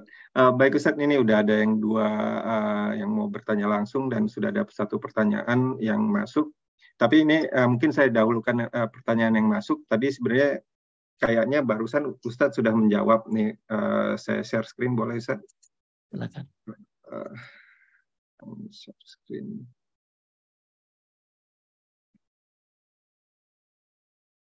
Ini Ustadz. Uh, Assalamualaikum Ustadz, izin tanya. Kalau menisbatkan hujan berdasarkan bulan, apakah termasuk nisbatul waktin? Atau ini ini diperbolehkan? Ya tadi sih ya uh, uh, tadi yang saya bilang kalau yang ada sih sebenarnya nisbatu waktin itu hujan itu apa uh, kata, pendapat dari Syekh Utsaimin bukan pada bulan sebenarnya pada apa tadi? Pada bintang ini gitulah ya. Biasanya kalau muncul bintang ini dan ini maka biasanya turun hujan. Maka itu boleh katanya ya. Tapi sekarang kan kalau kita nggak mungkin ngomongnya bintang kan ya Kang ya kan? Yes. kita pasti ngomongnya apa?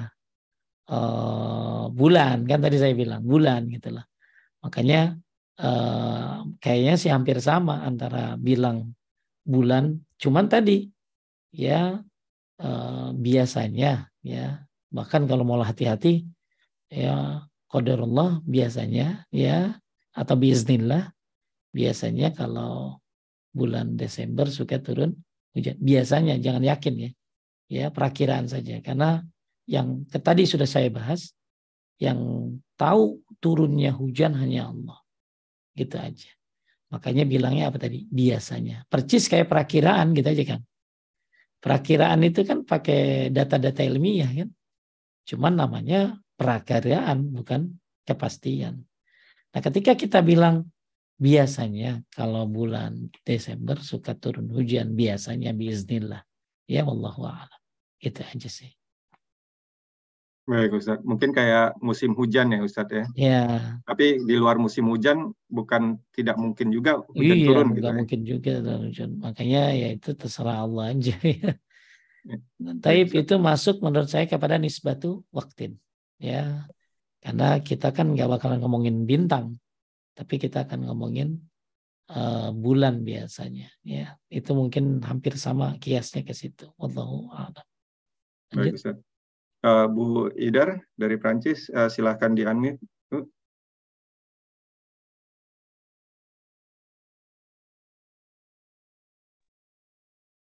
Assalamualaikum warahmatullahi wabarakatuh. Waalaikumsalam warahmatullahi wabarakatuh. Sehat Bu Idar.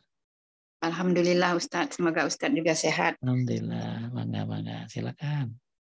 Innalillahi wa inna ilaihi rajiun.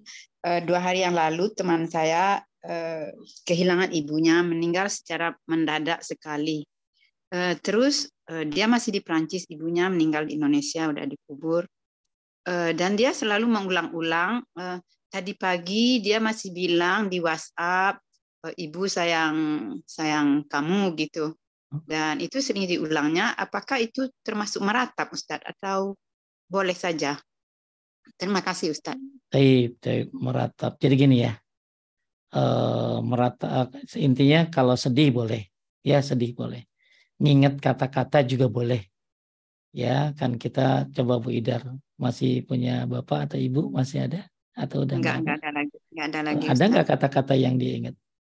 Iya banyak malah Ustaz. ya banyak kan? Ya, ya seperti kata -kata tadi Ustaz itu, bilang ya, mengenai ya. Uh, nikmat itu bapak saya dulu juga bilang begitu. Uh, uh.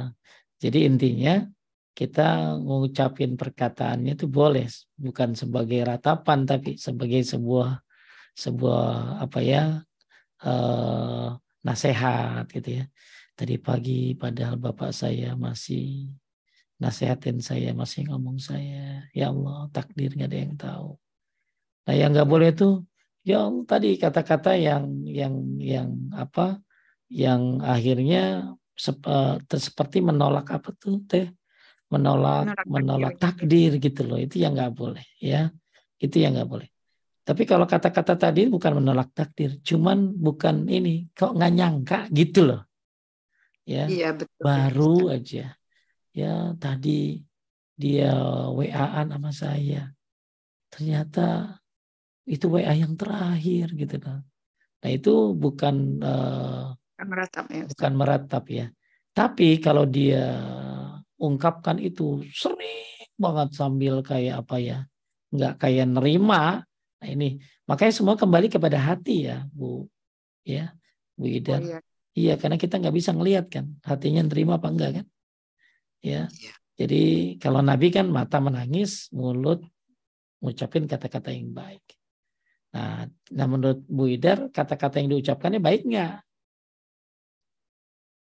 Iya. Temannya ya, itu kan bukan ucapan kata-kata baik, ya, cuman ungkapan kenangan. Ya menyesal ya, karena ya. karena dia sebenarnya sudah mau ke Indonesia tapi belum belum sekarang begitu. Jadi oh, ada ya. ada penyesalan begitu Ustaz. Ya, penyesalan mungkin ya. Justru ke depannya, tapi intinya kalau dia sering uh, apa mengungkapkan mengungkapkan gitu, nah itu tanda termasuk tidak tidak apa tidak tidak sabar ya, tidak sabar. Jadi ada satu tulisan dari Dr. Wahab Al-Qahtani tentang masalah musibah. Jadi yang disebut musibah itu kan As-sabru kata Nabi indah sadmatil ula. Sabar ketika pukulan yang pertama. Susah kan? Ya. Yeah. Uh, ya. Jadi sebenarnya sabar kita itu udah sabar ke diskon semuanya, kepotong semuanya. Jadi as-sabru inda sadmatil ula. Begitu kena, begitu sabar. Wah itu paling berat memang. Ya. Dan kemudian dia tidak eh, begitu kena dia dan dia tidak suka mencerita-ceritakannya. Bu apa Bu Idar. Jadi kata beliau, ya, kata dokter Wahab, teman yang datang dia dia cerita begitu sambil nah, Itu harusnya nggak boleh begitu. Ya, jadi ya. kalau sekali boleh lah ya sebagai sebuah apa peringatan buat dia. Tapi kalau setiap ketemu orang gitu, nah itu tandanya kurang sabar. Bukan meratap ya beda ini antara kurang sabar sama meratap ya. Kalau ya. meratap itu ungkapan menolak takdir. Ya, ungkapan meratap menolak takdir nah itu beda dengan kurang sabar. Kalau kurang sabar itu biasanya ya ngomongin terus gitu. Ngomongin ya, terus ngomong, ya dikit-dikit ya ampun ya ampun gitu ya. Ya, ya manusia sih. Makanya siapa? Nah, makanya Bu Idar bagus nanti kalau udah lama nggak temennya? Nanti saya Baru minta kemarin. nomornya dong, kemarin. nomor teleponnya. Nomor nanti saya, saya kirim saya kirim WA ke Feby ya tentang balasan ya. orang yang ya, mungkin ditinggal. Juga, mungkin dia nggak nggak suka juga nanti kalau kalau okay. diberitahu bagaimananya dia. Uh, bukan itu yang mau saya kasih tahu, balasan kalau sabar. Oh, Jadi begitu. kalau ah, kirim, kalau kirim ke saya aja Ustaz ah, nanti boleh, saya kirim apa -apa. ke dia. Jadi saya Jadi punya satu tulisan isinya uh, bagaimana balasan orang yang sabar kalau ditinggal Sofia. Sofia ini orang yang dekat sama dia. Orang tua, suami, anak meninggal loh dia sabar. Itu dapat surga, Bu. Iya. Saya ya. kemarin saya udah udah bilang bahwa eh, kesabarannya itu akan menjadi pahala untuk dia. Bukan bilang pahala lagi, Pak. Surga. Oh, surga. surga. Kirim ke saya, Ustaz. Boleh. Terima kasih. Ya, saya. Nanti, nanti saya kirim. Nanti kan kita harus dakwah juga sama dia. Mudah-mudahan ya. dia iya. jadi ngaji kan gitu loh ya. Uh, ya jangan ya, sampai akhirnya ber, berkelanjutan, berkelanjutan. Jadi saya punya poin-poin pahala-pahala orang yang ditinggalin oleh suaminya, oleh bapaknya, oleh uh, anaknya, ya pahala besar sampai dapat apa tadi? Surga ya buat orang yang sabar. Nanti saya kirim ya Bu Idar ya. ya. Lebih baik kirim ke saya Ustadz. Nanti boleh. kalau ada teman lain juga, kami kan di boleh, sini juga boleh. punya grup gitu. Boleh nanti kasih ke siapa nih ke Bu Febi apa gimana? Uh, kalau nomor saya juga boleh, Ustadz. Atau dicatatin ke Bu nah, Febi ya. Atau ya, ke bisa nanti kita sampaikan Ustadz ke taib, Bu Idar. Taib, taib, taib. Ya. Ya, kasih Bu Terima kasih banyak. Nanti Sama-sama. saya sampaikan juga. Karena ada juga teman lain yang tapi sudah 15 hari yang lalu meninggalnya. Hai. Bapaknya yang meninggal juga mendadak begitu. Ya, mudah-mudahan dia enggak kalau dia banyakin ngomong terus lama-lama berkurang habis pala pala pala musibahnya habis ini ya. ya makanya kan harus ya. ada yang ada yang warning ya mudah-mudahan kita bisa mengaplikasikannya masya Allah lanjut ya terima kasih banyak Ustadz terima Sama-sama. kasih banyak Pak Roland ya baik Bu Assalamualaikum warahmatullahi wabarakatuh. Waalaikumsalam. Baik Ustaz, uh, untuk uh, pertanyaan berikutnya ini ada yang resen lagi dari Bu ini Bu apa Pak nih Teh Yani ya di Amsterdam. Silakan Teh di unmute.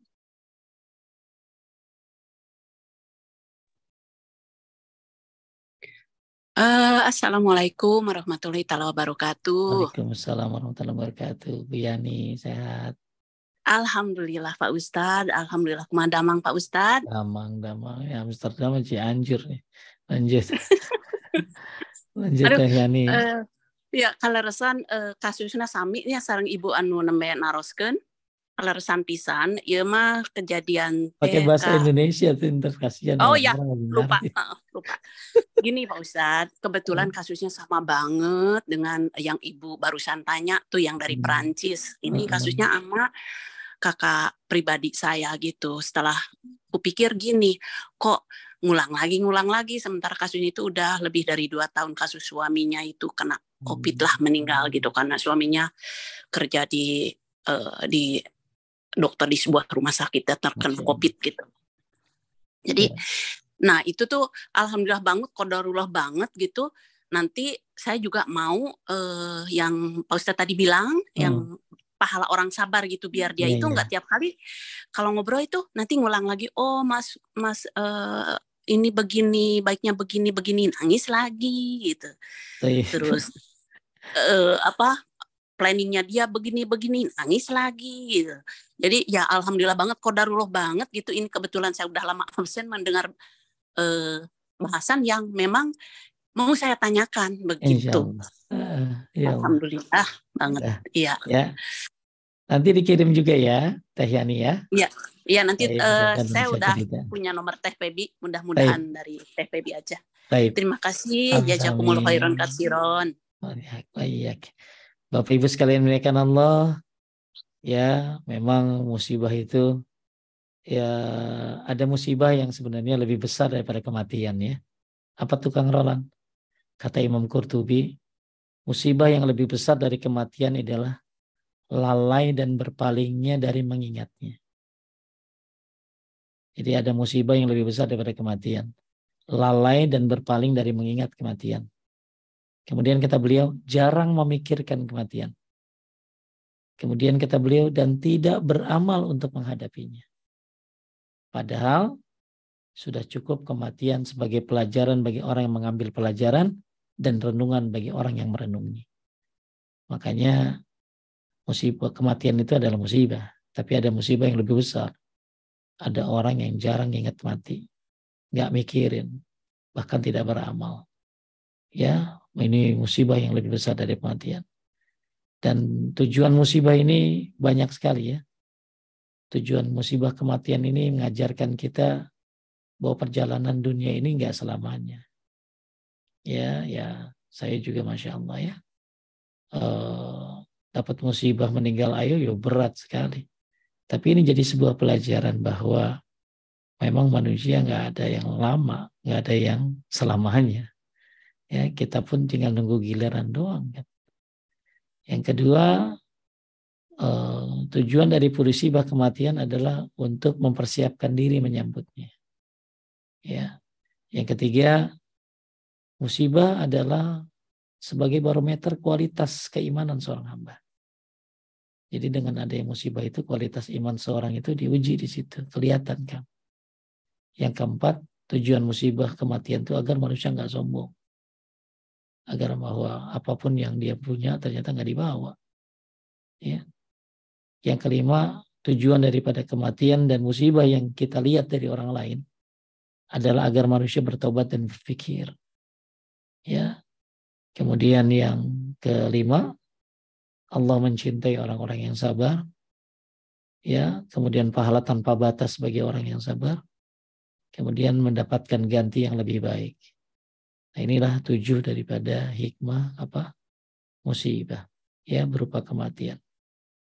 Ya semoga bapak ibu yang ditinggal suami, ditinggal anak, ditinggal ibu, ditinggal orang-orang yang terdekat. Semoga memang butuh perjuangan ya, butuh butuh keikhlasan yang sangat-sangat besar, nggak gampang diucapkan, nggak gampang dilakukan. Ya, cuman kalau dia bisa ya lebih cepat lebih baik dalam arti kata eh, dia sabarnya lebih cepat tentu pahalanya tidak akan berkurang banyak gitu ya jadi pahala surganya full 100% Masya Allah tapi tentunya butuh ilmu butuh butuh apa ya butuh kesabaran dan tentunya butuh teman-teman orang-orang terdekat atau anaknya yang menghiburnya memberikan nasihat. Wallahu a'lam. Taib, ada lagi kan? Ada Ustaz, ada kebetulan ada dua pertanyaan yang out of topic, tapi sebelum masuk ke situ saya boleh nanya satu lagi Ustaz Boleh. yang terkait dengan topik ini. Tadi kan di ada riwayat yang Nabi membuka pakaian bajunya ya yeah. kalau lagi hujan ya Ustaz. Itu sampai se level mana kita bisa praktekkan di sehari-hari nih Ustaz. Karena di sini kadang-kadang hujan 15 menit terus hilang gitu, oh, terus gitu. terang lagi. Tapi intinya aurat buat laki-laki itu kan ada dua ya. Aurat di dalam sholat dan aurat di luar sholat. Kalau aurat di luar sholat dari pusar sampai dengkul. Ya dengkul ini maksudnya di atas dengkul. Tapi kalau orang pakai pas deng, pas di atas dengkul kan pasti ke paha. Makanya jatuhnya di dengkul supaya kalau dia ke, ke kenapa-napa pas di atas dengkul. Jadi itu aurat yang boleh terbuka buat laki-laki. Nah, kalau buat perempuan ya seluruh tubuhnya kecuali wajahnya dan tangannya. Jadi kalau buat laki-laki selama itu uh, tidak menimbulkan fitnah ya Kang ya. Tidak menimbulkan fitnah ya. Uh, dan tidak menjadikan mungkin uh, juga kan ada orang yang akhirnya jadi kalau melakukan itu kalau ini ini ya boleh aja ambil airnya dulu sih kan ambil airnya yang paling bagus lalu dibasahin ke tubuhnya, ke badannya. Ya, kalau dia takut ya takutnya masuk angin kali gitu kan ya. Ya oh ya ini pengen mandi air hujan ya, tapi ini dia fisiknya nggak kuat dimasuk angin. Jadi kalau dibilang sejauh mana, sejauh auratnya tidak tertutup, tidak terbuka. Aurat laki-laki kalau di luar sholat ya itu. Tapi kalau di dalam sholat ya ini juga aurat termasuk apa pundak ya pundak. Jadi boleh-boleh saja ya boleh-boleh saja. Ya, cuman kalau saya ya paling ya cuman kemukain, kebadanin. Jadi kalau pernah lakukan begitu ya, kalau untuk buka baju nggak berani katanya ya, karena badannya one pack gitu. ya, lanjut ya. Baik Ustaz, sama kira-kira samalah Ustaz one round pack ya Ustaz. Ini saya uh, share untuk pertanyaan berikutnya. Afwan Ustaz, uh, Afwan di luar topik, baru-baru ini saya dapat kiriman melalui WhatsApp. Seorang Ustadz dari Indonesia menyampaikan bahwa kalau bertamu tidak boleh dadakan, harus memberitahu dahulu. Dan dalam penyampaiannya beliau mengatakan bahwa dalam Islam tidak diperbolehkan memberi kejutan atau surprise. Pertanyaan saya, apakah betul ada larangan untuk memberikan kejutan atau surprise atau dalam konteks ini kunjungan atau bertamu dadakan? Baik, uh, yang nggak boleh dadakan setahu saya itu kan uh, menjenguk keluarga tanpa pemberitahuan. Misalnya akan keluar negeri ya, terus datang ke rumah malam itu nggak boleh kecuali ada pemberitahu pemberitahuan. Tujuannya adalah supaya uh, apa ada persiapan ya ada persiapan. Tapi Nabi Shallallahu Alaihi Wasallam pernah kan kalau dibilang dadakan mah ya bertamu itu waktu ini tafsir surat al-takatsur ya bagaimana Abu Bakar Umar itu keluar Ternyata Abu Bakar, Umar kelaparan. Maka akhirnya Nabi juga kelap, lapar. Bertamulah ke rumah fulan. Kan nggak ada pemberitahuan kan. Apalagi nggak ada handphone. Ini. Ya, jadi kalau dibilang nggak ada pemberitahuan, ya Nabi pernah tidak pemberita. Kalau zaman sekarang malah pemberitahuan gampang gitu ya, pemberitahuan gampang. Jadi eh, Nabi akhirnya eh, bertamu ke sahabatnya dan sahabatnya malah nggak ada yang ada istrinya. Kemudian akhirnya sahabatnya datang, lalu dia motong kambing, ya, apa, mau uh, kurma. Nah, akhirnya uh, setelah makan kenyang, Nabi bilang bahwa semua ini akan ditanya. Makan-makan enak begini nih, kambing ini, ini akan ditanya gitu Nah, itu ada di tafsir surat at, uh, apa tadi? At-Takatsur. Ya, Takatsur di tafsir Ibnu Katsir tentang hadis Nabi menjenguk atau bukan menjenguk apa bertamu secara dadakan ya karena Nabi lapar Abu Bakar lapar Umar lapar nah sekarang setahu saya nggak boleh itu ya kalau misalnya surprise ya, kejutan kejutan yang pertanyaannya mungkin kalau lebih spesifik apakah ada surprise dalam apa dalam Islam gitulah kejutan gitu deh. Ya kejutan. Nah, ini tentunya uh, yang saya saya tahu yang nggak boleh kita itu ngeprank gitu kan. Kan beda kan? Antara apa tuh ngeprank sama apa sama sama surprise gitu ya. Nah cuman kalau kalau ngeprank memang memang terlarang tapi kalau surprise begitu ya selama untuk misalnya eh, apa kalau tapi kalau tadi ya kalau ngasih kalau pulang malam nggak boleh kecuali ada apa tadi? Ada pemberi pemberitahuan, ya. Nah, eh, jadi eh, yang saya tahu bahwa makruh seorang suami menemui istrinya tiba-tiba di malam di malam hari. Nah, cuman ini tidak buat apa sih? Tidak hanya buat suami istri gitu kan. Nah, gimana kalau untuk apa? Uh, untuk untuk tamu dan lain sebagainya gitu loh. Ya apakah boleh untuk datang tiba-tiba? Setahu saya ya saya tidak tahu kalau ada yang melarang surprise begitu. Karena setahu saya eh, para sahabat datang juga eh, apalagi zaman dulu ya nggak ada masa masih WhatsApp kan masa nggak ada ya tentunya harus di, dicek lagi apakah dalilnya ada nggak tuh yang disampaikan oleh beliau si ustadz tersebut. Karena pasti kan semuanya pasti dadakan kan, benar? Karena nggak ada informasi zaman dulu kan. Cuman ada apa sih burung merpati kan? Ya, apakah setiap mereka punya gitu burung merpati gitu? Ya mungkin ibu saya kembali bertanya, ya mungkin bagus ibu tanya lagi kepada ustadz yang apa? Ustadz yang ngasih tahu bahwa nggak boleh ada surprise dalam Islam ya Nah, nggak boleh itu bedain ngeprank. Kalau surprise, setahu saya termasuk bertamu. Gimana cara ngasih tahu zaman dulu kalau mau bertamu? Ya, sedangkan nah, dia teknologi nggak ada zaman dulu gitu loh. Jadi semuanya pasti serba serba dadakan gitu. Dalam arti kata nggak ada pemberi pemberitahuan. Wallahu alam, mungkin nanti saya juga ikut coba ngecek lagi.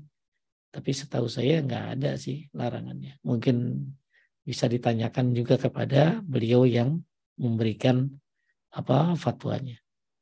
Taib Kang, ada lagi. Ada Ustaz, Afwan, uh, saya share screen kembali. Uh, habis ini ada satu lagi nih Ustaz. Assalamualaikum warahmatullahi wabarakatuh. Semoga Ustadz dan keluarga selalu dalam lindungan dan rahmat Allah Subhanahu wa taala. Begitu juga hmm. jemaah kajian dan semua umat Nabi Muhammad SAW di mana pun berada. Afwan di, di luar tema Ustadz, uh, zikir tasbih, tasbih dan tahmid adalah bentuk bagian dari sedekah yang ingin ditanyakan. Apakah ketika bibir kita berzikir, tapi kita sedang bekerja atau melakukan aktivitas, apakah zikir kita itu tetap mendapatkan pahala berzikir, Ustadz? Apakah zikir kita itu akan masuk kepada zikir yang nanti akan membantu kita di akhirat yaumil masyar.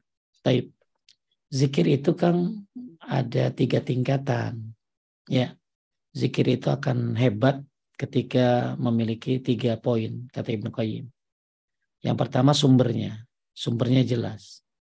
Anda mau zikir apa tapi kagak ada sumbernya nggak akan jadi pahala. Gitu Ya, misalnya dia baca zikir yang ngaco gitu loh ya. Yang nggak ada dalilnya ya. Maka zikir ini nggak akan ada manfaatnya tentunya karena bid'ah. Jadi eh, zikir ini akan memiliki kekuatan yang hebat ketika memiliki tiga komponen. Yang pertama sumbernya sumbernya dari dari Nabi Shallallahu Alaihi Wasallam yang kedua zikir akan terasa hebat menjadi hebat ketika hati dan lisan sinkron gitu kan. Lisan baca, hati merenungi. Subhanallah, subhanallah, subhanallah. Jadi bukan hanya bukan hanya bibir ngucap, tapi hati juga ikut merenungi, menghayati. Yang ketiga, zikir akan menjadi sangat luar biasa, memiliki komponen yang ketiga. Apa? Dia ngerti artinya, maksudnya, keutamaannya, maknanya. Nah, ini lebih hebat lagi kan. Makanya saya bahas kitab namanya Hisnul Muslim. Syarah Hisnul Muslim. Artinya penjelasan tentang doa-doa yang ada di kitab Hisnul Muslim. Jadi itu penjelasan tentang doa-doa keutamaan apa apa doa ini apa maksudnya? Doa ini apa maksudnya? Apa keutamaannya? Nah, jadi itulah tiga poin hebatnya zikir. Karena sumbernya, karena apa tadi Kang yang kedua? Karena hati dan lisannya yang connecting, ya. Kemudian yang terakhir ngerti maknanya, maksudnya, bahkan keutamaannya. Maka ini menjadikan zikir hebat. Nah sekarang kalau ada orang berzikir tanpa paham, tanpa ngerti lisannya baca tapi hatinya entah ke mana sambil nyetir sambil masak Syekh bin Salih Nusaimin mengatakan tetap dapat pahala kan tetap dapat nilainya ya tapi tentunya tidak sehebat yang memiliki tiga komponen tadi yang penting kalau anda nggak bisa zikir khusyuk nggak bisa zikir nggak paham nggak ngerti yang penting sumbernya jelas itu yang penting nomor satunya ya baca subhanallah walhamdulillah wala ilaha wallahu akbar anda baca kan jelas itu. Walaupun Anda bacanya sambil naik sepeda, sambil masak, ya tetap dapat pahala. Yang penting nggak boleh di kamar mandi. Walaupun tidak masuk ke tiga kriteria, tapi masuk ke satu kriteria yaitu sumbernya jelas. Cukup ya? Baik Ustaz, jaga khair. Ya, ya. Ini mungkin pertanyaan yang terakhir nih Ustaz uh, Afon, ini saya share screen lagi. Ini tadi sepertinya tadi saya bilang um, lebih uh, tidak baik lagi tuh kalau kita lupa akan kematian. Jadi ini kayaknya pertanyaannya terkait dengan hal itu, Ustaz. Assalamualaikum warahmatullahi wabarakatuh, Ustaz. Musibah yang utama apa bukan kita melupakan Allah jauh dari uh, jauh dari Allah dibandingkan dengan musibah kematian? Karena kematian itu sudah takdir, takdir dari Allah. Ya Allah yang bilang di dalam Al-Quran, Iza asobatkum musibatul maut. Iza asobatkum musibatul maut. Jadi kalau ibu bilang bahwa musibah yang paling utama bukan kita melupakan Allah. Ya iya, semua musibah itu mah tuh. Tapi kalau dibilang apakah kematian itu musibah?